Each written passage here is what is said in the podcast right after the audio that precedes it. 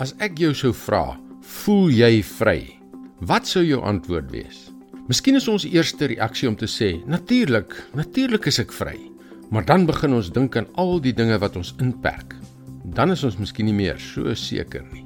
Hallo, ek is Jockey Gouchee vir Bernie Diamond en welkom weer by Vars. Die lewe kan soms soos 'n tronk voel.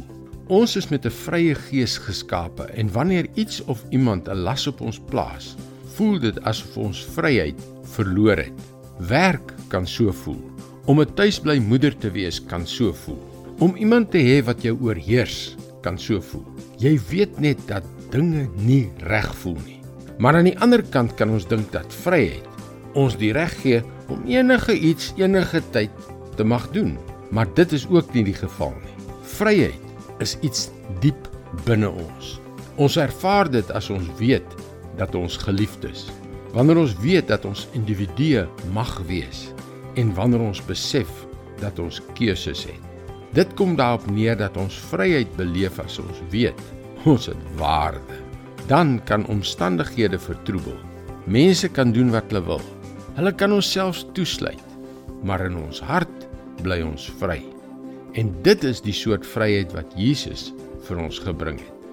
Met sy eerste openbare optrede het hy in Lukas 4 vers 18 en 19 gesê: Die Gees van die Here is op my, omdat hy my gesalf het om die evangelie aan armes te verkondig.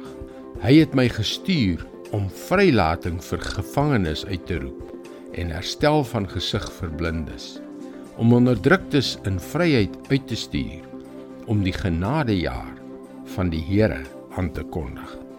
Dit is maklik om daarop te reageer en te sê, "Wel, ek hoef nie van iets bevry te word nie. Ek is nie 'n gevangene nie. Ek word nie onderdruk nie." Maar tog weet ons dat ons nie ware vryheid het nie. Iets ontbreek. Daardie iets is die vryheid wat net Jesus kan bring. Dit is God se woord vars vir jou vandag. Jesus het gesterf sodat jou sondes vergewe kan word. Maar dit is net die helfte van die goeie nuus. Die ander helfte is dat hy weer opgestaan het sodat jy 'n nuwe lewe, 'n ewige lewe kan kry deur sy kruisdood. Gaan gerus na ons webwerf varsvandag.co.za waar jy baie interessante geestelike boodskappe sal vind oor verskillende onderwerpe. Dis op varsvandag.co.za. Groetnis, tot môre.